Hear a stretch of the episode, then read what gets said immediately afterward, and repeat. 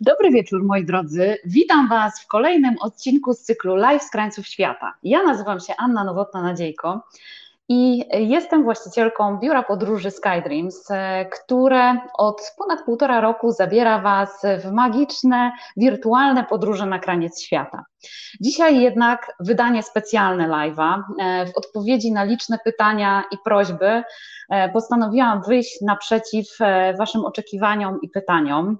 E, zanim zaczniemy to specjalne wydanie live'a i zrobię krótkie wprowadzenie, koniecznie dajcie znać w komentarzach, kto jest dzisiaj z nami, z kim się łączymy i przede wszystkim, czy dobrze mnie słychać, bo dzisiaj dużo niesamowitych, ważnych informacji które napływają od niespełna dwóch tygodni do nas z mediów chyba z całego świata. Od E, niedawna media na całym świecie mówią tylko i wyłącznie o Afganistanie. Ciężko wyłuskać z tych informacji mm, takie fakty, których, z których wiedzielibyśmy, o co tak naprawdę chodzi w tym konflikcie. Czy jest on dla nas zagrożeniem? Kim są talibowie? O co chodzi z wycofaniem się e, wojsk amerykańskich i przemówieniem prezydenta Bidena? Hmm. Nasza relacja, moi drodzy, to odpowiedź, e, mam nadzieję, na te liczne pytania. Oczywiście bądźcie z nami w kontakcie. Dawajcie znać koniecznie, jeśli jakieś pytania związane z Afganistanem, z tą sytuacją, z konfliktem e, Was nurtują i jesteście ciekawi. Postaramy się razem z moim gościem, którym jest Aleksandra Zalewska, Ola jest e, absolwentką arabistyki i islamistyki, więc e, nie wyobrażam sobie lepszego specjalisty do tego, żeby wyjaśnił nam, mi, Wam i nam wszystkim i przybliżył temat związany aktualnie z tym, co dzieje się właśnie w Afganistanie. Ola dodatkowo mieszka jeszcze w Indiach, a Indie, jak pewnie większość z Was wie doskonale, mają długą historię handlową e, właśnie z Afganistanem i w związku z tym e, jeszcze bliżej niż my jest Ola tej całej sytuacji. E, na bieżąco w swoich mediach społecznościowych, na Instagramie i Facebooku pokazuje na stories, o co tak naprawdę w tym chodzi i próbuje nam to wytłumaczyć. Bo nie wiem jak wy, ale ja na samym początku, jak to wszystko się rozpoczęło, to e, miałam więcej pytań e, niż odpowiedzi, e, których bym oczekiwała. I w związku z tym z pomocą przyszły właśnie stories, które stworzyła Ola i w których wyjaśniła, czym jest islam, czym są talibowie. I postanowiłyśmy dzisiaj połączyć się ze sobą i porozmawiać z Wami, dać Wam nutkę takich e, sprawdzonych, ważnych informacji i troszeczkę rozwikłać te wątpliwości, które we wszystkich nas się kłębią. Więc moi drodzy, króciuteńka dosłownie e, przerwa techniczna. Postaramy się połączyć w tej chwili z Olą. Zaraz sprawdzimy, czy to się, moi drodzy, uda. Zaraz sprawdzimy. Chwilę, chwilę, moi drodzy. Zaraz spróbujemy się z Olą połączyć. Mam nadzieję, że e, Ola jest, słuchajcie. Dobry wieczór, Olu. Halo, halo, halo. Jeszcze momencik, słuchajcie, i już będziemy. Na Instagramie. Halo, halo, halo, bo słuchajcie, dzisiaj mamy taki e, wyjątkowy czas, w którym postanowiłyśmy z Olą specjalnie dla Was połączyć się, słuchajcie, e, w kilku miejscach jednocześnie i chyba wygląda na to, że nam się to udało, bo jesteśmy specjalnie dla Was, słuchajcie, dzisiaj na Facebooku, jesteśmy na Instagramie i jesteśmy na YouTubie, więc mam nadzieję, że każdy z Was e, w dogodnym dla siebie miejscu będzie mógł posłuchać naszej dzisiejszej rozmowy i miejmy nadzieję wyciągnąć z niej tyle, ile wartości jest mu potrzebnych na chwilę obecną, a mhm. Olu, przyznasz mi rację, że spekulacji wokół tego, co dzieje się aktualnie w Afganistanie, jest cała masa. Pytań zdecydowanie więcej niż odpowiedzi. Dziękuję, że przyjęłaś zaproszenie do naszej dzisiejszej rozmowy i że zgodziłaś się ze mną porozmawiać, bo na wstępie chciałam Ci bardzo serdecznie pogratulować e, pracy włożonej przede wszystkim w przygotowanie niezwykłych stories, które. Mm, pomogły nam troszeczkę lepiej zrozumieć to, co się dzieje ponieważ jak wiemy, w mediach pojawiają się e, informacje liczne i, i ciężko z tych informacji wyłuskać e, tak naprawdę, e, czy jest to dla nas duże zagrożenie, o co tak naprawdę chodzi w tym konflikcie. No więc e, dobry wieczór, witamy Was moi drodzy bardzo, bardzo dobry serdecznie. Wieczór. Dobry wieczór, witamy na wszystkich platformach. E, jak widzicie, my tutaj z Anią bardzo się staramy, żeby no, dotrzeć do jak najszerszej widowni z tym bardzo ważnym tematem i przesłaniem, dlatego że nie możemy ignorować kwestii Afganistanu, e, chociaż wydaje nam się oczywiście z naszego europocentrycznego punktu widzenia, że oj, ten Afganistan to jest gdzieś tak daleko, że w ogóle jakie to ma dla nas znaczenie. Ma ogromne, jakie do tego jeszcze dojdziemy, ale tymczasem ja zacznę od pytania do Ani. Ani, powiedz mi, co przeciętny Polak wie o Afganistanie? No właśnie to dzisiejsze nasze spotkanie to e, chyba odpowiedź e, taka dość zaskakująca, bo pewnie niewiele. E, poza tym, że kojarzy nam się Afganistan z islamistami, z dżihadistami, z talibami, no bo te hasło się pojawia w mediach, e, kiedy to słyszymy, że talibowie przejęli kontrolę nad krajem, z wojną, z biedą, mm, Myślę, że z kobietami w burkach, z tym, że obawiamy się o prawa kobiet. Niektórym może się też e, kojarzyć z udziałem polskich wojsk w misji Afganistan.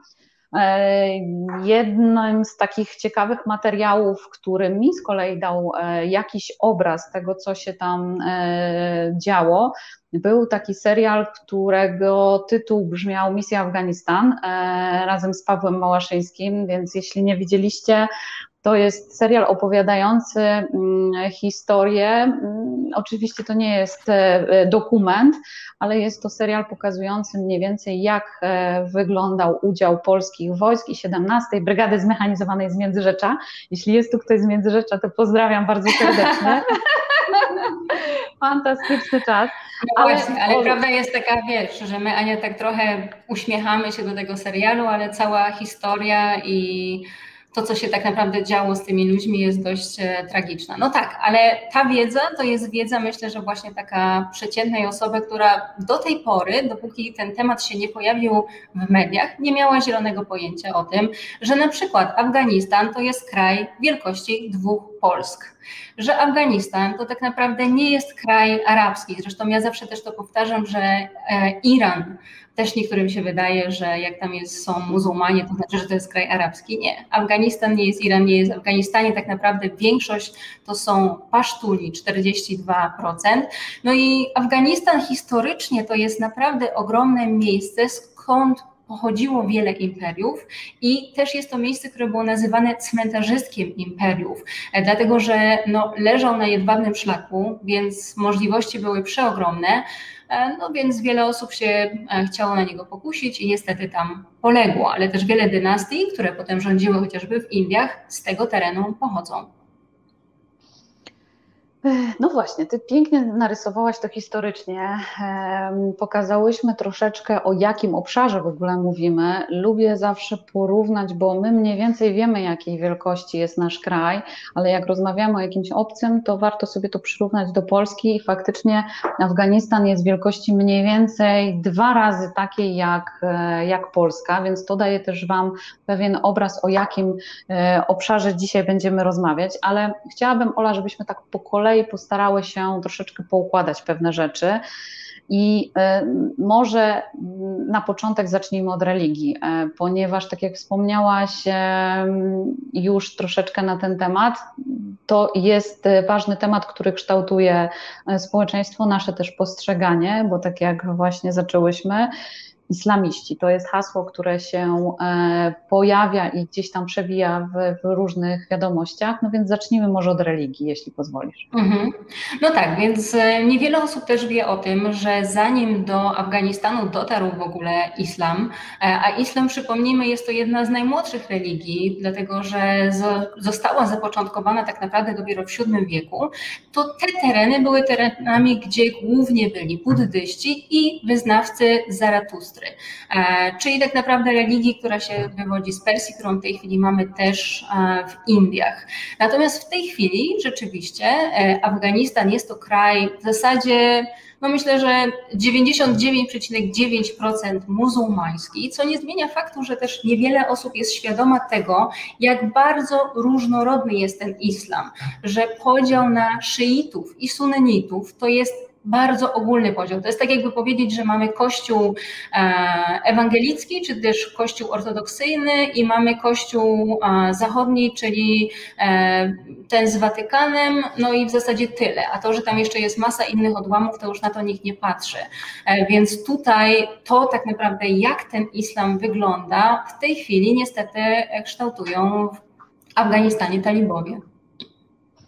Mhm. No dobrze, to coś więcej wiemy a propos tej religii i tego, że nie jest to takie wcale proste, a przede wszystkim e, buddyzm jest taką religią, która bardzo mocno też e, kształtuje i kulturę, i zachowania ludzi, więc e, cieszę się, że o tym wspomniałaś, bo to też ma bardzo duży wpływ e, na zachowania i to, w jaki sposób e, wiele rzeczy funkcjonuje właśnie w Afganistanie. Słyszymy teraz w mediach talibowie. E, nam talibowie kojarzą się z terrorystami. I czy faktycznie tak jest? Kim są talibowie, Olu? A, talibowie, e, jeżeli przetłumaczyć to dosłownie, to to są studenci, bo tak należałoby to e, powiedzieć. Talibowie to jest grupa, która jest e, w zasadzie kwalifikowana, klasyfikowana jako lokalna grupa dżihadu, czyli grupa, która walczy w imię religii, walczy w imię islamu. Natomiast ciekawym jest to, że tak naprawdę talibowie nie wywodzą się stricte z Afganistanu. Oni się wywodzą z pogranicza Afganistanu i Pakistanu. E, I to są, to byli w większości tak naprawdę uczniowie tych szkół takich koranicznych, tak zwanych madras. E, I e, skąd oni się wzięli?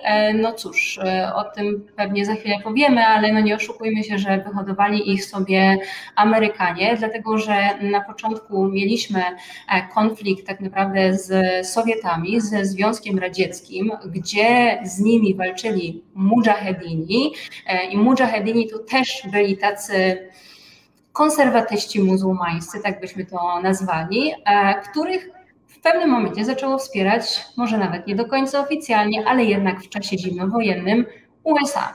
E, I na kanwie mujahedinów właśnie pojawili się ci talibowie, e, którzy no, w pewnym momencie zaczęli e, przejmować władzę i rzeczywiście w 96 oficjalnie tą władzę przejęli i trzymali ją aż do 2001 roku, kiedy do Afganistanu weszli Amerykanie i wojska NATO.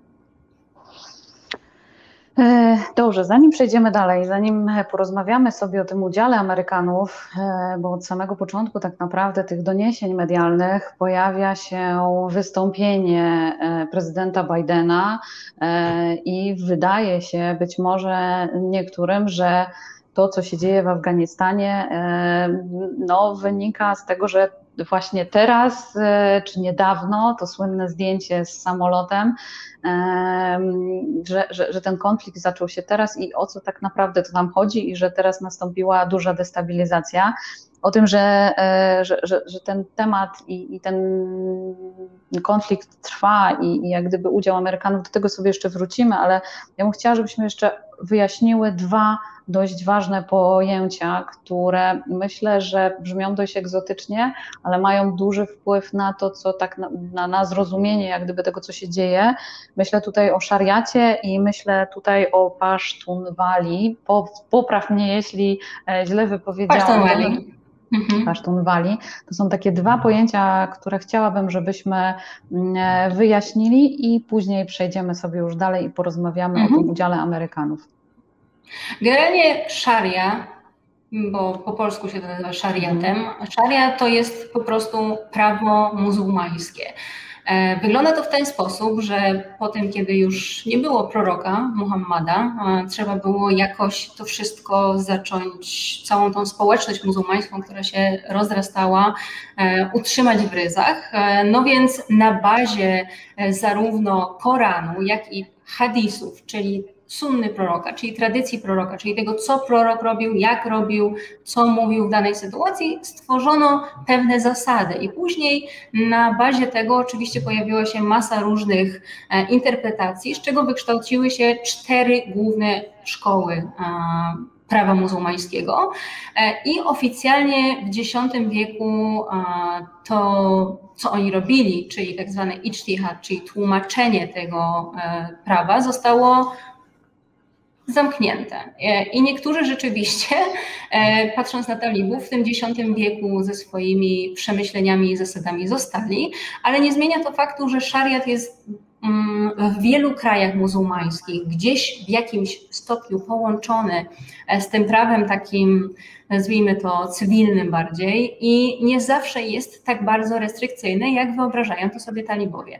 Natomiast jeśli chodzi o Pasztunwali, e, to jest znowu prawo e, takie bardziej lokalne, czyli właśnie związane z tą ludnością pasztuńską i z tą ludnością plemienną. Czyli tu są dwa takie prawa, które mówią o tym, żeby e, zaopiekować się gościem, o tym, żeby dbać o kobiety e, i wiele różnych innych rzeczy. Natomiast oczywiście wiadomo, że grupy takie jak talibowie, kiedy przejmują władzę, to tak naprawdę wyciągają z tych wszystkich zasad to, co im pasuje, i, czyli najczęściej to, co najgorsze. No właśnie, bo e, podobnie jest wrażenie z Koranem i tak jak my kojarzymy właśnie islam, to jak mówimy o, o tym, że islamiści powołują się na Koran, no to bardzo często wynika to z wyciągnięcia z Koranu pewnych e, oderwanych od kontekstu wersów. E, natomiast e, podobnie ty, jak i moja koleżanka, która skończyła arabistykę i pamiętam nasze pierwsze wyjazdy do Egiptu i chęć zrozumienia tej kultury, jakże zupełnie odmiennej od naszej, dała mi takie wyobrażenie, że Koran to zbiór takich zasad i wartości naprawdę bardzo mądrych i przemyślanych. E, trzeba wziąć tak, pod uwagę... jeszcze tylko trzeba pamiętać o jednej rzeczy bardzo ważnej, mhm. że on został napisany tak naprawdę w takim, nazwijmy to, klasycznym języku arabskim, ale tak naprawdę w wersji kurajszyckiej, czyli plemienia, które mieszkało w Mekce i że na dodatek ten arabski, który my znamy i stosujemy dzisiaj, ma się nijak do tego, jak to zostało zapisane, bo dzisiaj mamy takie kropeczki, kreseczki i tak dalej, oni mieli kolorowe kropki. I w tym momencie kwestia interpretacji wielu słów zupełnie się zmienia w zależności od tego, kto jak chce to po prostu zinterpretować. Super. E, to bardzo ważne, żeby o tym e, pamiętać i powiedzieć. E, absolutnie żadna z nas nie chce dzisiaj, słuchajcie, nakłonić Was do żadnej ze stron, ale do tego, żebyście mieli troszeczkę szerszy horyzont na to, co się aktualnie dzieje. I jeśli będziecie słyszeć pewne hasła, żebyście byli w stanie sami je zinterpretować i mieć własne zdanie na dany temat bo e, myślę, że istotą każdej religii świata jest jednak niesienie dobra e, i pokoju, a nie, a nie szerzenie wojny i konfliktów. No i właśnie, Olu, dochodzimy do punktu, w którym chciałam Ciebie zapytać, kto tak naprawdę zaczął tą międzynarodową wojnę, bo mm, no właśnie słyszymy Afganistan, e, zaraz islamiści, zaraz terroryści, narkotyki i w ogóle wszystkie te hasła nam gdzieś tam krążą po głowie. Natomiast y, myślę, że warto zastanowić się i odpowiedzieć sobie na pytanie, jak to się wszystko zaczęło i jaki jest udział w ogóle e, Stanów Zjednoczonych, krajów europejskich w tym całym konflikcie. Jak myśmy się tam wszyscy znaleźli? No, powiem tak. Zaczęło się dawno, dawno temu od podbojów i od kolonializmu. I tak naprawdę no, Brytyjczycy znaleźli się w Indiach i jako kampania wschodnioindyjska i tymi Indiami powoli, powoli zaczęli po prostu zarządzać. I Brytyjczycy już rezydując w Indiach, e, w, no, powiedzmy w XIX wieku, e, obawiali się już tam wtedy i później, szczególnie zwłaszcza w XX wieku, jak e, zaczęło się cały konflikt międzynarodowy o wpływy Sowietów na Indię, przez Afganistan, bo te kontakty afgańsko-indyjskie zawsze były, tym bardziej, że pamiętajmy, że to są jeszcze czasy, kiedy nie było Pakistanu, więc tam zupełnie inne granice w tym obszarze. E, więc oni już wtedy tam się z Afgańczykami troszeczkę jakby nie lubili i tam się popychali co chwilę, więc były pierwsze wojny. E, natomiast te najgorsze mm, koszmary Brytyjczyków spełniły się dopiero 32 lata po tym, jak opuścili Indię, a opuścili je w 1947 roku, przypomnijmy, kiedy powstał właśnie Indie i Pakistan e, i e, później zaczęła się właśnie wojna Związku Radzieckiego e, w Afganistanie o przejęcie władzy przez komunistów. Więc tam no, troszeczkę się też poturbowali.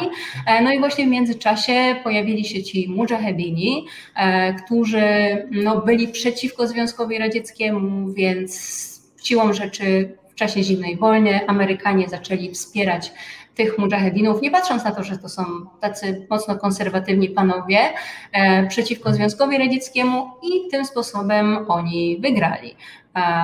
I potem już było z górki, bo potem się na pojawili talibowie, a jak talibowie przejęli władzę, e, no to cóż, w 2001 roku Amerykanie weszli do Afganistanu tak naprawdę pod pretekstem tego, że Afganistan e, daje schronienie Osamie Bin Ladenowi, który, jak wiemy, miał być odpowiedzialny za zamachy e, na World 11 września. Mhm. Dokładnie. E, natomiast trochę później ta retoryka się zmieniła, bo się okazało, że tak naprawdę oni tam weszli, żeby w ogóle zaprowadzić spokój, żeby wprowadzić demokrację, i później przez te 20 lat e, ta retoryka cały czas gdzieś ewoluowała, e, a w tej chwili w ogóle już jest na zasadzie takiej, że nie no, my tam w ogóle byliśmy, chcieliśmy pomóc, ale oni nie dali sobie pomóc, więc e, no nic, spakujemy się i wychodzimy. Tak to wygląda z grubsza. No tak, tak faktycznie e, gdzieś tam ta sytuacja wielu może wydawać się podobna, bo to też się przewija w wiadomościach prasowych z sytuacją w Wietnamie. Wietnam to chyba największa porażka armii amerykańskiej na arenie międzynarodowej i wydaje się być, że, że Afganistan do tego zaszczytnego grona i listy też, też dołączy. 20 mhm. ponad E, lat, e, kiedy wojska amerykańskie były. No w ostatnim wystąpieniu prezydent Biden powiedział, że czterech prezydentów e, próbowało, że tak powiem, zakończyć tą, tą misję, a on będzie tym, który, który do tego, który to zrobi. No i mm, chyba takim punktem, który wszyscy właśnie kojarzymy, i o co chciałam Cię też, Olu, zapytać, e, no to jest ten samolot. Ten samolot, który startuje, mm, e, pełen właśnie Afgańczyków, przede wszystkim mężczyzn. E, co się stało z kobietami i, i jak gdyby dlaczego ten samolot, czy to był prawdziwy w ogóle obrazek? Śledzisz bardzo na bieżąco te fakty, więc stąd, stąd też znaczy, pytanie, bo wielu się zastanawiało, jak to, o co to myślę, w ogóle chodzi. Że tak, tak. No ten, to sławetne zdjęcie po prostu okrążyło internet y, jak typowy fake news, który po prostu miał stworzyć sensację i tak samo jak było to za czasów wojny syryjskiej, kiedy pojawili się uchodźcy, Myślę, że wszyscy to pamiętamy, bo było to dość niedawno. E, tak samo tutaj, tak? Tak naprawdę chodziło o to, e, żeby pokazać, że zobaczcie, ci biedni uchodźcy to wcale nie są żadne kobiety i, e, i dzieci, tylko mężczyźni w sile wieku, którzy uciekają. Ale pamiętajmy o tym, że tak naprawdę ewakuacja no bo tak to się nazywa e, profesjonalnie, wojsk z Afganistanu trwa już jakiś czas. To nie jest tak, że Amerykanie się dzisiaj zawijają, bo były tam wojska NATO, Polacy chociażby już wychodzili w czerwcu i od momentu, kiedy się pojawiła tylko ta gwarancja, że oni rzeczywiście Afganistan opuszczają, no to talibowie zaczęli jeszcze bardziej rosnąć w siłę e, i tym sposobem ludność cywilna już wtedy zaczęła uciekać. I uciekała na wszystkie możliwe sposoby i samolotami, i przez granice, i najczęściej właśnie przez E, granice i jakimiś potem lotami dodatkowymi, byleby z tego Afganistanu być jak najdalej. Niektórzy jeszcze wierzyli do końca, że może, może to potrwa dłużej, że może to się przeciągnie, ale jednak nie. Więc tych ludzi, których widzieliśmy w samolocie, no nie żadna sklejka, ale prawda jest taka, że mm, to był samolot wojskowy. Musimy pamiętać o tym, że większość lotów, które jest w tej chwili, dlatego że loty komercyjne na jakiś czas zostały wstrzymane, teraz je wznowiono, przynajmniej Amerykanie, e, to była ewakuacja współpracowników, czyli wszystkie tak naprawdę kraje ewakuowały ludzi, którzy z nimi w czasie tej wojny współpracowali, co oznacza, że no nie oszukujmy się, no kto będzie głównie z wojskami współpracował, byli to mężczyźni, więc po prostu ich ewakuowano, ale według oficjalnych statystyk UNICEF-u 80% uchodźców z Afganistanu to są kobiety i dzieci. Bardzo Ci za to dziękuję, bo to jest takie bardzo ważne spostrzeżenie mm, i przede wszystkim dające odpowiedź na wiele pytań, które się po naszych głowach kołatały. Od tego, czy A, był to fake news, a po drugie, właśnie, co z tymi kobietami i dziećmi. No, e, sytuacja, że tak powiem, dynamicznie się zmienia. Zresztą na granicy e, z Białorusią też e, są już uchodźcy. Samoloty polskie też lądują i, i dajemy częściowo schronienie. Dużo w tej chwili debat wokół tego, w jaki sposób możemy pomóc.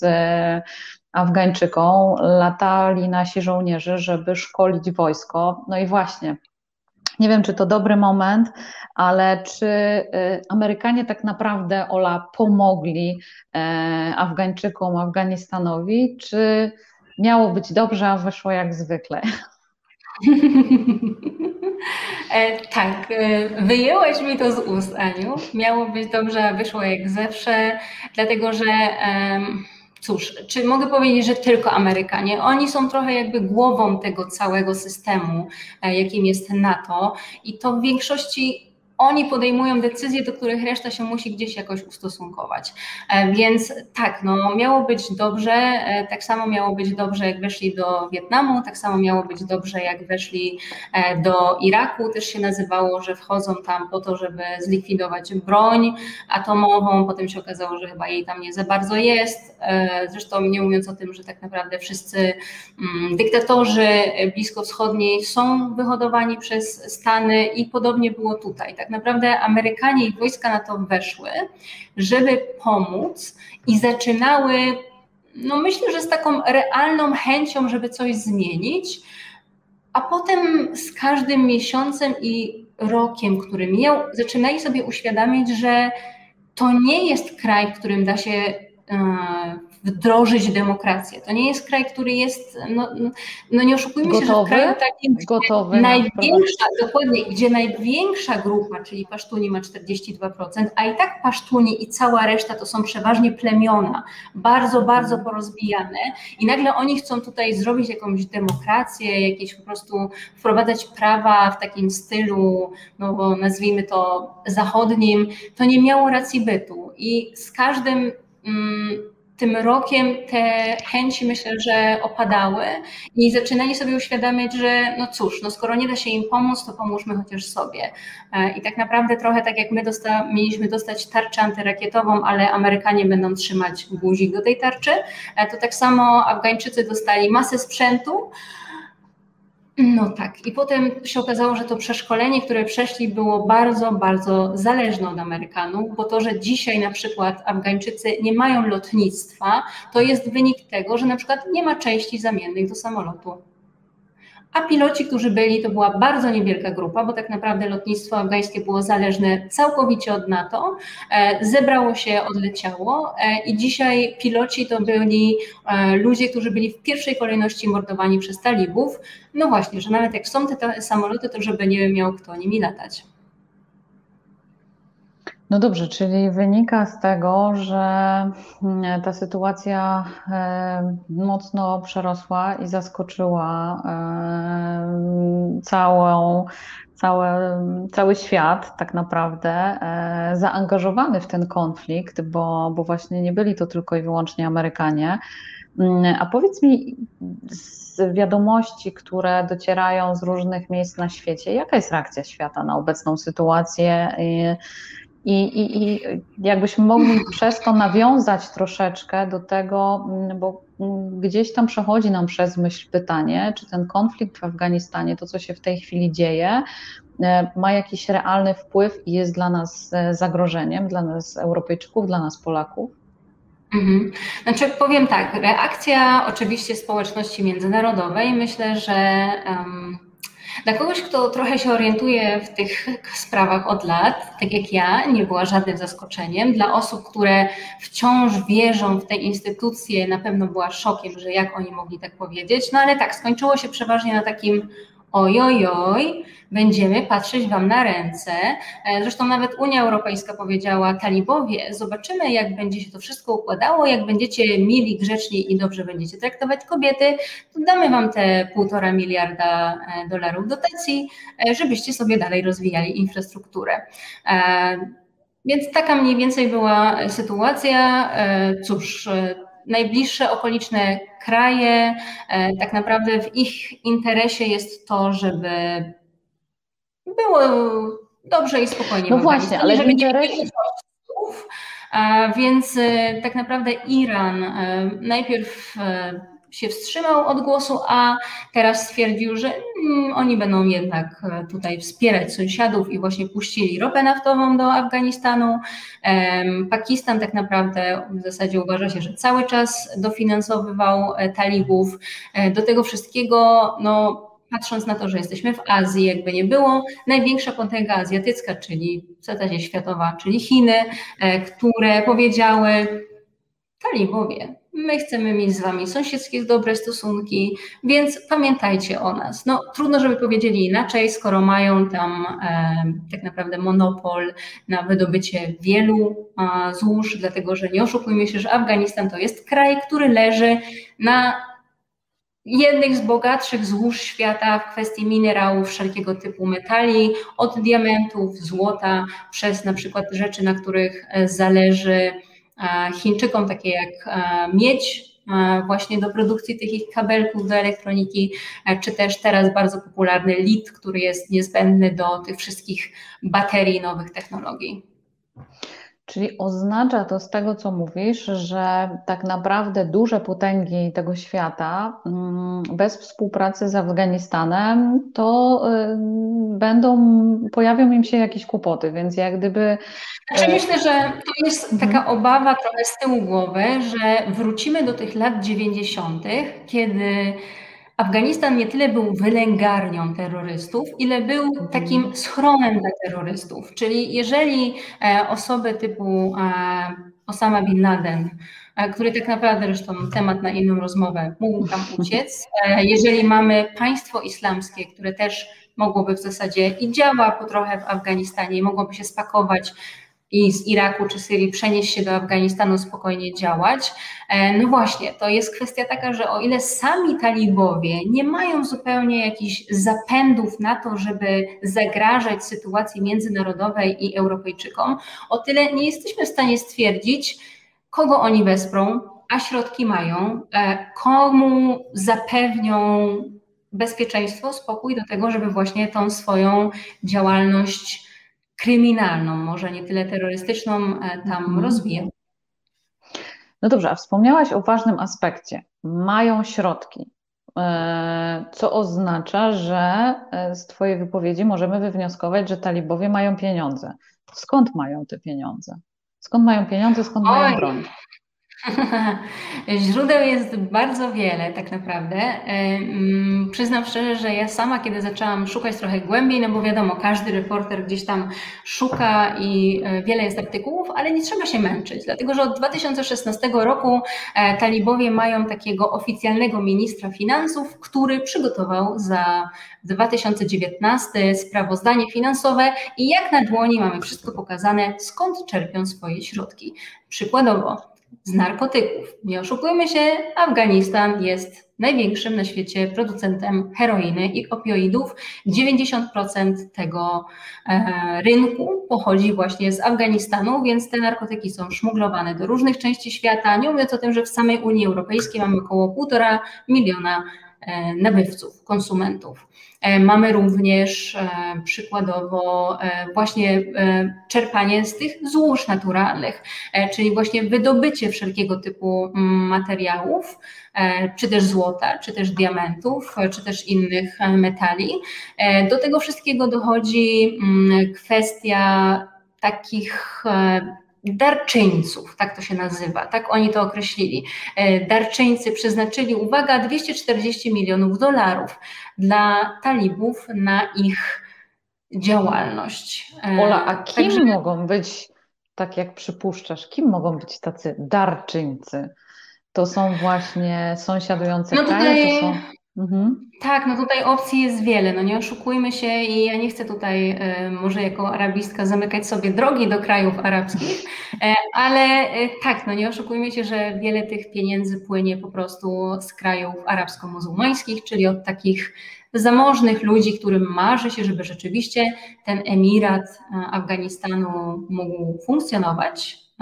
I też wiele osób, które na przykład w ich interesie politycznym było to, żeby właśnie tych Amerykanów i NATO tam e, nie było, czyli na przykład Rosjanie też troszeczkę, ale no właśnie, Rosjanie też są posądzani o to, że dostarczali i dostarczają broń, z czego mhm. oczywiście Twierdzą, że nie, jak zawsze. E, ta broń też dociera z różnych źródeł. No takim największym myślę, że środki płyną niestety wciąż z Arabii Saudyjskiej, która co prawda na swoim łonie własnym się reformuje, tak się pokazuje światu, aczkolwiek wysyła ciągle za granicę pieniędzmi, a wraz z nimi swoje um, bardzo restrykcyjne prawa wahabickie, czyli między innymi te stroje takie, co nie zmienia faktu, że Dla kobiet, ten... zasłaniające w sensie Olu, tak? Nie, tak, nie zmienia to faktu, że ten Mówi się o tym, że talibowie to jest islam deobadycki, czyli taki wywodzący się z Azji tak naprawdę. W zasadzie to on wykiełkował w Indiach, chociaż założenie było zupełnie inne, pomieszane z tym pasztunwali, a jeszcze teraz do tego dochodzą te właśnie wpływy saudyjskie, więc tutaj opcji mamy bardzo wiele. Ale to znaczy, że on jest taki bardzo konserwatywny, czy to znaczy, że on jest przez to, że byli Europejczycy, że byli Amerykanie, raczej. Yy że tak powiem, łagodniejszy, tak jak. Nie, nie, on jest e, konserwatywny, aczkolwiek on ewoluuje wraz z talibami, dlatego że mhm. talibowie jeszcze w latach 90., kiedy trafiali na pola maków, to je po prostu palili. A potem, jak już mhm. E, zaczęła się wojna i uświadomili sobie, jak wielkie to są pieniądze, bo dla nich dzisiaj to jest, żebym nie skłamała, ale około 450 milionów, no to zaczęli przymykać oko na to, że narkotyki może islam nie do końca, ale skoro mamy z tego mieć pieniądze, to jest ok. E, I kwestia tylko teraz taka, czy e, talibowie zamierzają wrócić do lat 90. i do takiego naprawdę restrykcyjnego szariatu, gdzie na ulicach, zresztą tak jak w Arabii Saudyjskiej, odbywają się egzekucje ludzi, e, którzy są posądzeni nie tylko za morderstwo, ale za chociażby cudzołóstwo e, i też obcinanie kończyn, na przykład za jakieś kradzieże kraju, w którym jest tak ogromna bieda. Myślę, że to bardzo Czyli tego nie wiemy. Na te informacje rozumiem, że w tej chwili cały świat czeka. W jakim kierunku? Czekamy, bo tak naprawdę była oficjalna konferencja prasowa głów e, talibów. No i oni sobie wymyślili, że może rzeczywiście w sensie jest talibów. jakieś tak, tak, że może rzeczywiście już jest czas na reformowanie się, ale chyba nie dotarło to do wszystkich ich e, bojówek rozmieszczonych w różnych mm. miejscach w Afganistanie i z jednej strony oni mówią o amnestii, a z drugiej strony ich bojówki chodzą od drzwi do drzwi i wyciągają zdrajców i ich mordują. Więc tak to mniej więcej wygląda. Z jednej strony mamy doniesienia chociażby dzisiaj, wczoraj o tym, że e, tutaj w jednej stacji telewizyjnej panie reporterki pracują, nawet e, przeprowadziły wywiad z przywódcą talibów, a w drugiej stacji telewizyjnej pani, która jest y, tam osobą przekazującą wiadomości, nie została w ogóle do pracy wpuszczona, więc nie ma, oni chyba sami jeszcze nie wiedzą, więc ciężko też nam powiedzieć, jak to do końca będzie wyglądało. Ale popatrz, nie wydaje Ci się to być takie podobne trochę do naszych wiadomości, jak włączy, zależy od tego, jaki, który kanał włączysz, to masz różne wiadomości, więc to chyba nie powinno nas tak bardzo dziwić. Przepraszam, że słuchajcie, wprowadzam taki e, mały przerywnik, ale sytuacja jest mm, faktycznie bardzo poważna trudne są dla nas te tematy, ponieważ tak, e, kulturowo absolutnie zupełnie inny kawałek świata. E, w kontekście religijnym też e, inaczej. U nas jeszcze bardzo często i, i ciężko zrozumieć i wytłumaczyć ludziom właśnie religię muzułmańską, bo, bo nam się kojarzy po prostu ta religia absolutnie tylko i wyłącznie z terroryzmem no, e, to, to, Ania, to... powiem Ci tak, powiem Ci tak. Ja skończyłam arabistykę mhm. kilka lat temu, żeby już może nie podawać daty. W międzyczasie byłam na wielu konferencjach z komunikacji międzykulturowej. W międzyczasie byłam też na TEDxie, gdzie w ramach e, wrocławskiego TEDxa, gdzie było Break the Silence, mówiłam właśnie o komunikacji między wschodem a zachodem i to było na, e, w tym czasie na kanwie tego aktualnego konfliktu i uchodźców właśnie z Syrii. Prowadziłam blog o Bliskim Wschodzie i przyznam szczerze, że w pewnym momencie po prostu się poddałam. A teraz trochę zaczynam wracać do tego tematu, ale jest to tak ogromnie ciężki kawałek chleba, a na dodatek niestety ja nawet jak zaczęłam prowadzić prelekcje w szkołach i w pewnym momencie stwierdziłam, ok, mogę to robić, ale jakby nie mam środków na to. E, to się okazało, że ambasady krajów arabsko-muzułmańskich są zupełnie niezainteresowane tematem. Im to zupełnie jest obojętne, jak oni są przedstawiani, pokazywani i co ludzie o nich myślą, e, więc e, no jest to zdecydowanie zaskakujące, mm, e, to co mówisz, e, aczkolwiek podróżując e, z grupami jako pilotki wycieczek, jako organizatorzy wyjazdów, co nam się zdarza ostatnio w związku z ogólną sytuacją na świecie troszkę rzadziej. Niezbyt często. Ale wierzymy, że wrócimy do tego wkrótce. E, to też nasze zadanie na tym polega. E, ja pamiętam swoje pierwsze wyjazdy właśnie wtedy do Egiptu, e, te ponad 20 lat temu z grupami. I to był taki mój pierwszy kontakt z kulturą arabską. Ja przesiedziałam i przedyskutowałam z moimi przyjaciółmi stamtąd długie noce, żeby móc to zrozumieć. E, I to, I to, było naprawdę e, wtedy niesamowite wyzwanie, mimo dużej i otwartej głowy, ale no, potrzeba na to troszeczkę czasu. Tutaj jest też właśnie pytanie. Co które... mamy pytanie? Mhm. Mamy tutaj pytanie, tak. Co myślisz, jak rząd Indii zareaguje? Talibowie podobno byli wspierani przez Pakistan. E, no tak, byli wspierani przez Pakistan. Tak naprawdę nic się tutaj nie zmieni w tym momencie, dlatego że Indie są w ciągłym konflikcie z Pakistanem. Tak naprawdę to, co dzieje się w Kaszmirze dzisiaj, e, cały ten konflikt, mimo tego, że często narracja mediów zachodnich jest taka, że tam jacyś terroryści e, działają na terenie e, Kaszmiru, prawda jest taka, że o ten Kaszmir trwa wojna z Pakistanem i to nie są żadni terroryści, tylko wojska po prostu szkolone pakistańskie, przebrane. Znamy to z wielu wojen w różnych częściach świata, nic nowego. Także, mm, no cóż, jedyne co reakcja Indii w ogóle, jaka była na to wszystko, e, a mianowicie taka, że oczywiście swoją ludność e, ewakuowali e, i powiedzieli, że zapewnią też schronienie wszystkim mniejszościom religijnym z Afganistanu, co oznacza, że uchodźcy muzułmanie nie mają czego szukać w Indiach. E, okej, okay, dziękujemy za to pytanie. Słuchajcie, jeśli macie jakieś pytania i, i są jakieś takie wątki, piszcie, które Was piszcie. ciekawią, piszcie koniecznie w komentarzach, jeśli nie zdążyłyśmy jeszcze czegoś poruszyć, bo, bo tych tematów jest naprawdę sporo. My dzisiaj e, myślę, że mm, rozpoczynamy tą rozmowę i ten temat. Jeśli będzie to wątek, który będzie Was ciekawił, to, to obiecujemy, że pewne e, wątki możemy poszerzyć. Zobaczymy, jak tam sytuacja się będzie rozwijała na świecie. Dzisiaj takie wyjątkowe wydanie tego live'a. Zwykle zabieram Was w takie miejsca, w które pokazuję magiczne zakątki e, świata, w którym. Ale. Afganistan jest zupełnie magiczny. Gdyby rzeczywiście ta turystyka mm. funkcjonowała, a jeszcze chwilę temu funkcjonowała, to myślę, że do Afganistanu naprawdę warto byłoby się wybrać i ci, którzy zdążyli, e, na pewno to potwierdzą. E, dzisiaj, no niestety, no spotykamy się w takich realiach, a nie innych. To trochę jak dyskutowanie o Syrii.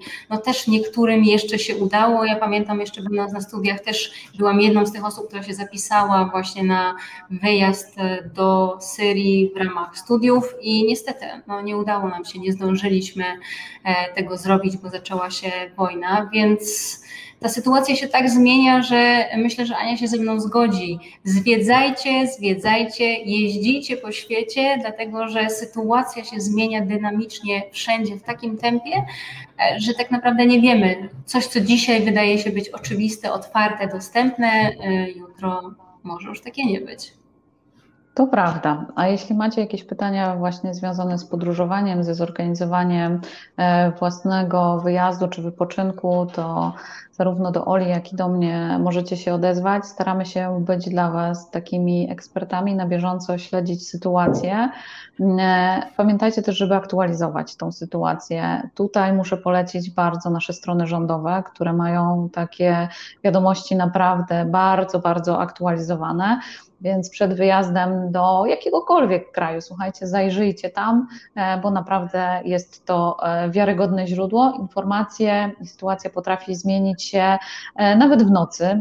Pamiętam sama mój pobyt w Emiratach Arabskich, tak, w tym roku, w styczniu i dzień przed naszym wylotem zmieniły się procedury, musieliśmy się do tego dostosować. Natomiast jestem, myślę, że dobrym przykładem tego, że podróżować się da, że warto teraz ruch turystyczny jest zdecydowanie mniejszy. E, trzeba się troszeczkę teraz e, lepiej przygotować do wyjazdu. Trzeba na pewno podchodzić elastycznie e, do, do, do różnych kwestii. Po prostu pewne rzeczy mogą się zmienić ale mając wsparcie profesjonalnego organizatora, słuchajcie, wierzcie mi, że podróżowanie przy mniejszym natężeniu ruchu jest bardzo przyjemne, a podróże potrafią nas zainspirować do niesamowitych rzeczy i zgadzam się z Tobą, Olu, ponieważ moim gościem e, był Mariusz Faliński i on opowiadał, e, autor książki niesamowitej, zresztą trylogii tak naprawdę e, historyczno-szpiegowskiej. On jest niesamowitym fanem Afganistanu, I zresztą naprawdę, słuchajcie, ze trzy tygodnie temu, jeszcze przed całą tą wielką akcją, namawiał mnie do tego, że jeśli lubię jeździć na nartach, a wie, że lubię, e, to e, zimą narty w Afganistanie to jest w ogóle coś, co on uwielbia, ma tam mnóstwo przyjaciół i fantastycznych ludzi. E, zresztą, Olu, powiedz taką rzecz, jeśli interesuje Was ta sytuacja, w jakich miejscach szukać wiarygodnych e, źródeł, jakie to są wiarygodne źródła odnośnie Afganistanu. E, jest kilka takich profili, myślę, że które jesteś w stanie mm -hmm. polecić. Ja Wam oczywiście tak, polecam tak, znaczy profil wszystko... Oli. To wszystko bardzo dziękuję. E, tak, znaczy powiem tak, na pewno oprócz tego, że znajdziecie u mnie w tej wyróżnionej relacji te wszystkie informacje o Afganistanie, które my podajemy dzisiaj, że u mnie na blogu Atelier Podróży też ten artykuł jest i o Afganistanie. I też o islamie trochę lepiej wyjaśnione właśnie w tym kontekście, e, to e, bardzo wiele osób zaczęło ten temat poruszać. I teraz myślę, że czytając, no cóż, z jednej strony oczywiście można odnieść się do mediów polskich. I niektórzy, którzy nie znają pewnie angielskiego, nie bardzo mają wybór, ale jeżeli ktoś jest, ktoś jest rzeczywiście tylko polskojęzyczny, to radziłabym sięgnąć e, do e, strony Salam Lab, e, i również do profilu Grondecka, czyli do profilu Jagody, do Jagody. Mhm była w Afganistanie, właśnie z niego wróciła. E, z tego co kojarzę, chyba też jutro będzie jakiś live z Jagodą odnośnie tej aktualnej, najaktualniejszej sytuacji, bo tak naprawdę my dzisiaj staramy się Wam poukładać to wszystko w głowach, przedstawić tak taki zarys tego, dokładnie, co i dlaczego się wydarzyło. Natomiast u mnie w relacjach codziennie są świeże informacje z Afganistanu, e, świeże tak naprawdę punkty widzenia i spojrzenia z różnych mediów, bo ja na przykład sięgam i do mediów indyjskich, i do mediów arabskich, one mają zupełnie inne e, patrzenie na ten temat niż my w Europie czy my na Zachodzie, więc uważam, że jeżeli ktoś angielski zna, to jak najbardziej do e, właśnie takich mediów typu Al Jazeera e, warto sobie sięgnąć. Super, bardzo Ci za to dziękuję. E, a powiedz mi, Olu, właśnie z informacji z różnych źródeł, z międzynarodowych mediów, czy tam się pojawiają jakieś takie informacje, że talibowie chcą rozmawiać? Czy oni w ogóle chcą dyskutować? Bo, bo są takie jeszcze wątki, które myślę, że wielu z nas ciekawią. Jak to jest możliwe, że tak. prezydent, że prezydent uciekł? Y, jak gdyby to, to, to jest pierwsza rzecz, a druga właśnie, czy, czy talibowie są otwarci na rozmowę? Czy, y, jakie jest ich podejście? Jak to wygląda? -hmm. No tak, e, talibowie, to, że prezydent uciekł e, znowu, myślę, że tutaj dużego zaskoczenia nie ma, e, ze względu na to, że prezydent zasadniczo byłby pierwszą osobą do odstrzału, bo amnestia została ogłoszona trochę wcześniej, ale skoro oni parli na Kabul i wiadomo było, że wejdą do pałacu prezydenckiego, bo chcą przejąć władzę, no to po prostu człowiek się ratował i uciekł i jest w Emiratach Arabskich. E, ale co ciekawe, na miejscu pozostał jego brat. No właśnie. W samym nazwisku, e, który jest przywódcą jednego z większych e, klanów tamtejszych, który się nazywa Kochi. I on z talibami od wielu dni już rozmawia. A no właśnie, tak a on się nie boi o swoje życie, Olu. Jak to wygląda? No właśnie, on się nie boi o swoje życie. Dlaczego? Dlatego, że on Myślę, że tak, no w politykę siłą rzeczy jest zamieszany, ale on jest bardziej biznesmenem, dlatego że on stara się ustalić e, cokolwiek z tymi talibami, dlatego że na przykład talibowie, co ciekawe, zwrócili się do rządu indyjskiego, który ewakuował już wszystkich swoich ludzi z Indii, dlatego że Indie prowadziły bardzo wiele e, projektów z Afganistanu, e, prowadziły Indie w Afganistanie bardzo wiele mm, projektów rozbudowy infrastruktury. I talibowie mhm. e, napisali do Indusów, że jak chcecie, to możecie je skończyć. Indusie nie byli zainteresowani, natomiast Gani stwierdził, czyli brat prezydenta stwierdził, że nie może być tak, że teraz wszyscy rzeczywiście pouciekają i teraz te miliony dolarów, które on i jego koledzy zainwestowali już w tą rozbudowę, że po prostu to się wszystko teraz rozjedzie. Więc on zaczął dyskutować z tymi talibami, e, żeby pokazać innym, że słuchajcie, można z nimi rozmawiać, trzeba z nimi rozmawiać, bo jeżeli ten Afganistan ma się rzeczywiście rozwijać i mieć warunki dla ludzi, no to cóż, to musimy z nimi rozmawiać. No i taka jest prawda, że talibowie trochę mają poczucie z jednej strony tego, że poniekąd są niezależni, bo jakoś sobie radzili ze swoimi milionami od tych e, lat, ale z drugiej strony, no cóż, jeszcze wiele środków, jak chociażby wspomniane przeze mnie środki z Unii Europejskiej e, czy innych stron świata na nich czekają e, i tak naprawdę im będzie zależało na tym, żeby się ze wszystkimi dogadać, żeby ten ich emirat mógł kwitnąć. Tu jest jeszcze jedno pytanie. Czy to prawda, że prezydent tak. uciekł z pieniędzmi? To jest dokładnie to samo, co było jak Ben Ali uciekał z Tunezji. Też wszyscy mówili, że Ben Ali się zapakował i po prostu poleciał e, i te wszystkie, całe złoto i pieniądze, które tam były. No cóż, czy to jest prawda? E, to chyba wie tylko Gani. Um, wypiera się tego. Twierdzi, że nie, że w ogóle nic takiego nie było i oficjalna strona rządowa twierdzi, że, nie, że to nie jest prawda, że oczywiście wziął jakieś tam pieniądze niezbędne do przetrwania, aczkolwiek e, nie było tak, że się spakował i coś tam się e, sypało. Kto ma rację? No, e, tego się na pewno nie dowiemy. Myślę, że to nie, nie ten poziom, moi drodzy, choćbyśmy naprawdę Dostępu. bardzo mocno chcieli. Nie, nie, nie, nie, nie ten poziom tajności informacji. Ola, e, ja wiem, że to jest pytanie i temat, który troszeczkę już e, poruszyłyśmy, ale mm, czy my wiemy w ogóle, kto popiera talibów, no bo w czyim interesie jest to, żeby sytuacja się e, unormowała i uspokoiła, no to o tym sobie rozmawiałyśmy. To są, e, to są z pewnością Chiny i to mhm. są kraje sąsiadujące właśnie z Afganistanem. Zdecydowanie kraje sąsiadujące, które nie chcą mieć uchodźców. E, to, są, to jest zdecydowanie Pakistan, to jest zdecydowanie w tej chwili już Iran. To są zdecydowanie też kraje generalnie muzułmańskie, e, którym jakby zależy na tym, żeby rzeczywiście była stabilizacja w regionie i też bardzo dużym tutaj poparcie mają od e, Turcji, dlatego że prezydent Turcji najpierw twierdził, że on się będzie przyglądał rozwojowi sytuacji, e, ale już zaczął, tak jak my będziemy podobno budować mur na granicy, to prezydent Erdoğan też będzie budował mur. Więc myślę, że my się trochę E, on pierwszy o tym powiedział, więc myślę, że my się trochę jednak zasugerowaliśmy murem nie Trumpa, a Erdoana, będzie budował na granicy e, mur i będzie też wspierał, dlatego że prezydent Erdoğan powiedział, że oczywiście wojska tureckie były obecne w Afganistanie, są obecne i będą obecne w Afganistanie, ponieważ wojska tureckie to nie są wojska obce, to są wojska nieobce. To są wojska, mhm. które wspierają, wspierają i mają zamiar pomóc. No i oczywiście Chiny, które w tym momencie mają monopol na wydobycie wielu minerałów e, i innych dostęp do wielu złóż, jak chociażby wspomniana miedź, e, więc na pewno im będzie zależało na tym, żeby z talibami się dogadać e, i żeby cały czas tam sobie drylować. Ja wyciągam taki wniosek z tych wszystkich informacji, których jest bardzo dużo, że mm, tak naprawdę to są kwestie związane z wpływami, z przeogromnym przepływem mm, pieniędzy. Gotówki.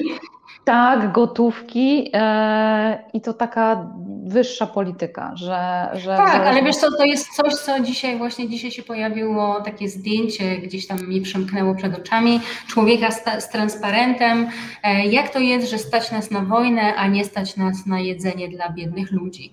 E, więc patrząc na to, że Stany wydały dwa, jak to się mówi, um, miliardy, biliony, po miliardach są biliony, bo to już są takie tak, tak. kwoty.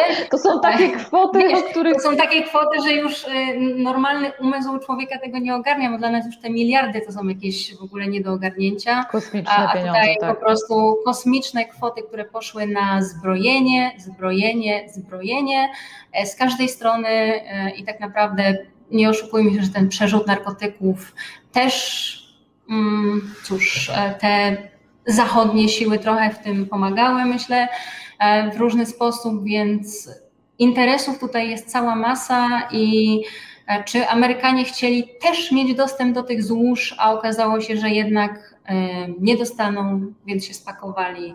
Tego chyba też się nigdy nie dowiemy.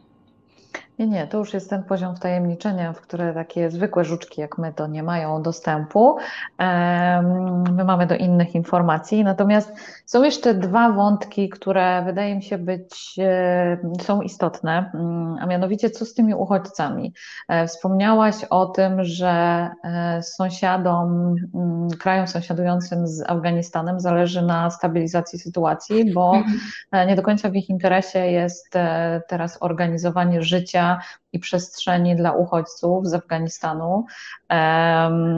No właśnie, czy oni znajdą schronienie też w Polsce, szczególnie ci, którzy współpracowali z Polską? Wiem, że wiele organizacji. Część, Część już znalazła. Znaczy powiem tak, problem polega na tym, że tak, e, Pakistan e, już jakby się odgrodził. Znaczy pozwolił im przekroczyć granicę, ale na wszelki wypadek na samej granicy zbudował obozy dla nich, żeby jak tylko sytuacja się ustabilizuje, a o tym, czy się ustabilizowała, zdecyduje rząd Pakistanu, to żeby ich wypchnąć z powrotem do Afganistanu, Uzbekistan, nie chcę skłamać, ale wydaje mi się, że Uzbekistan jest tym krajem, który nie ma podpisanej ten, tej konwencji międzynarodowej o e, przyjęciu tak, o, um, uchodźców politycznych, więc oni w ogóle jakby umywają ręce od tematu.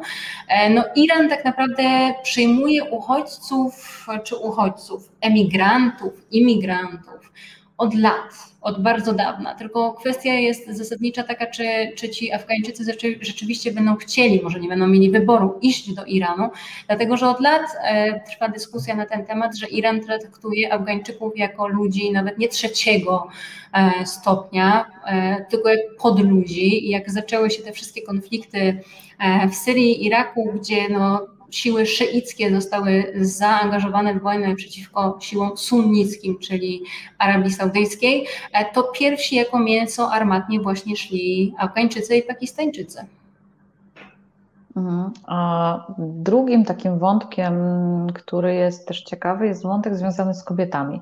E, bo część z nich była na tyle odważna, że wyszła na e, ulicę, żeby demonstrować i walczyć o swoje prawa. Natomiast ten wątek kobiet się przewija. E, my o jednym z nich powiedziałyśmy, bo na tych zdjęciach faktycznie z ewakuacji widzieliśmy przede wszystkim mężczyzn i, i, wiele pytań było takich, a gdzie kobiety i dzieci? To już sobie o tym powiedziałyśmy, że ta ewakuacja trwała tak naprawdę chyba od maja już nawet, nie? E, nawet nie czerwiec, Myślę, że już tam... generalnie tak, jak już było wiadomo, to już były, to już były takie ruchy, więc myślę, że tutaj jakby ten ten transfer ludzi trwa od dawna. Zdecydowanie nie zaczął się teraz. I dla kogoś, kto stwierdza, ojej, ale jak to wojska wyszły w niedzielę, a już w poniedziałek mamy na granicy uchodźców, e, no to jest właśnie kwestia niedopowiedzeń, których w takich mediach mainstreamowych niestety ciężko znaleźć, mhm. bo te nagłówki mają się sprzedawać i niestety jak się szuka informacji na dużych portalach to nie zawsze się znajdzie to, czego się szuka. Dlatego rzeczywiście, chociaż może media społecznościowe nie są najlepszą formą pozyskiwania wiedzy. I nie jedynym akurat... źródłem przede wszystkim. Tak, też, to Bo... wydaje mi się, że w chwili obecnej właśnie czy u mnie, czy e, też e, u Jagody, czy na Salam Labie i jeszcze kilka innych profili, bo ludzie tak naprawdę siebie podlinkowują, znajdziecie rzetelne informacje sprawdzone o tym, co się akurat w tej chwili dzieje i skąd coś się dzieje. Tu widzę, że w międzyczasie było pytanie, czy e, uchodźcy się z nami zasymilują, czy jest szansa, że oni się zasymilują. E, powiem tak, Trudne wiem już, doświad- tak, wiem już z doświadczenia tak naprawdę z mm, tej sytuacji, która była właśnie z Syryjczykami, e, że trafiłam na jedną z konferencji, która była w Radomiu. I jedno z pytań, które do mnie padło, ale my tutaj przygotowaliśmy im dwa mieszkania i oni się wprowadzili, ładne mieszkania, wszystko ten, a następnego dnia rano, czy tam za trzy dni później już ich nie było. Zwinęli się i zwiali na zachód, bo oni wszyscy to chcą na zachód.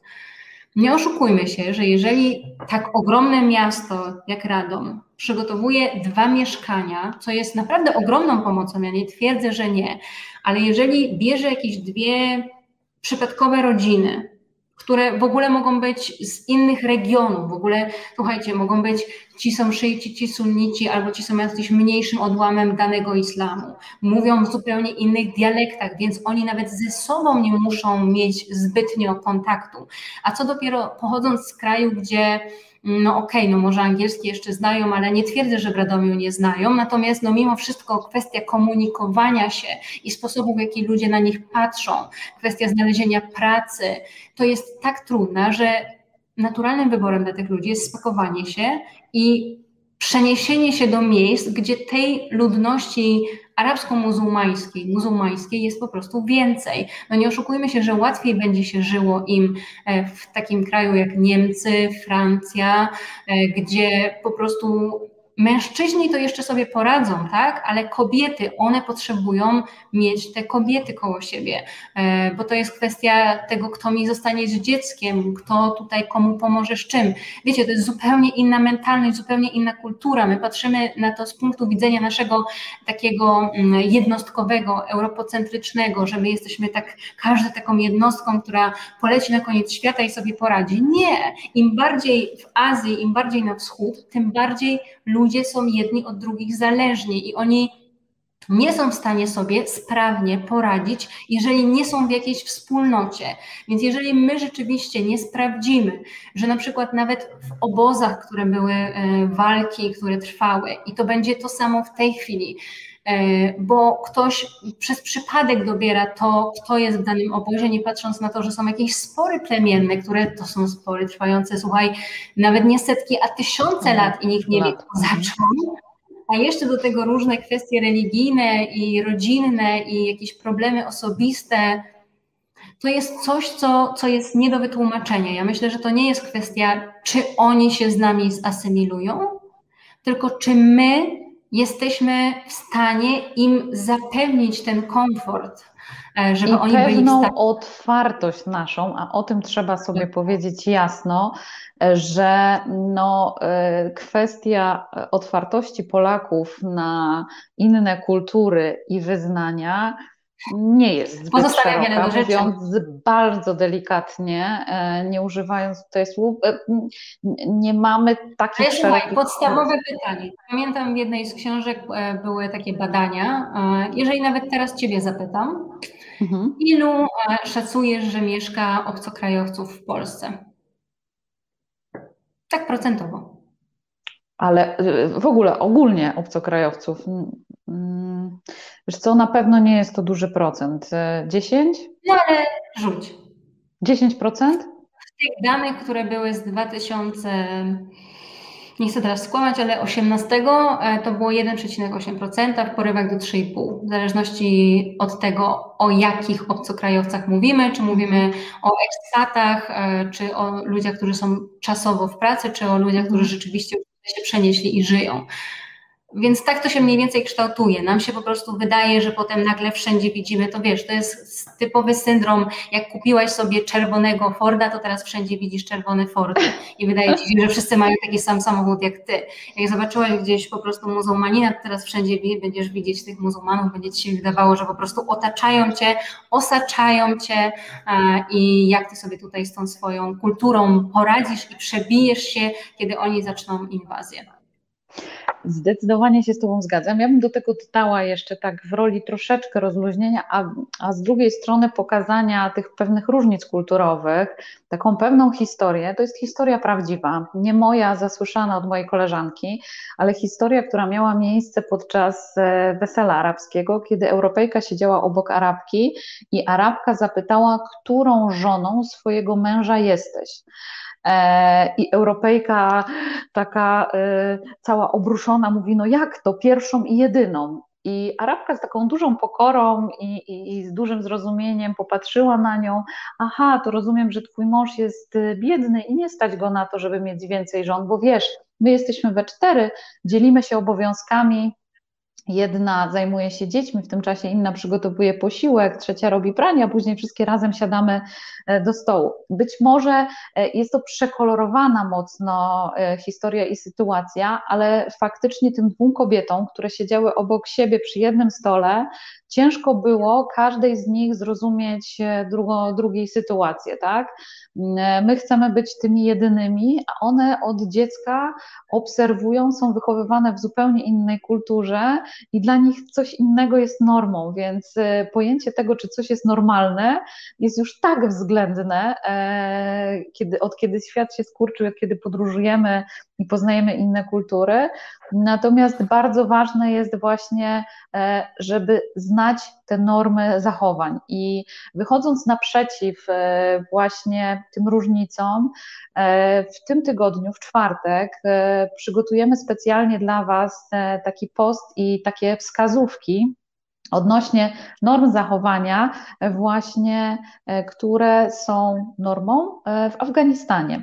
W zeszłym tygodniu przygotowywaliśmy e, taką etykietę biznesową, która pomaga zarówno jeśli robimy jakieś interesy za granicą, ale i też kiedy zostajemy zaproszeni na obiad czy kolację do gospodarza, tak żebyśmy wiedzieli do, do naszego partnera, żebyśmy wiedzieli jak się powinniśmy przywitać, z jakim prezentem pójść, e, jakich kolorów unikać e, lub też jakich tematów nie podejmować. Więc jeśli ciekawi, ciekawią Was e, tematy związane właśnie ze zwyczajami, z obyczajami w różnych miejscach na świecie, to pamiętajcie, że w czwartki właśnie taki cykl uruchomiliśmy i w tym tygodniu w nawiązaniu do tej naszej dzisiejszej rozmowy pojawią się właśnie takie wskazówki e, o tym, e, jak należy się zachowywać, jak należy się zwracać i co jest ważne właśnie dla Afgańczyków, których, jak już słyszeliście z naszej rozmowy, być może będziecie mieli okazję gdzieś w którymś miejscu spotkać.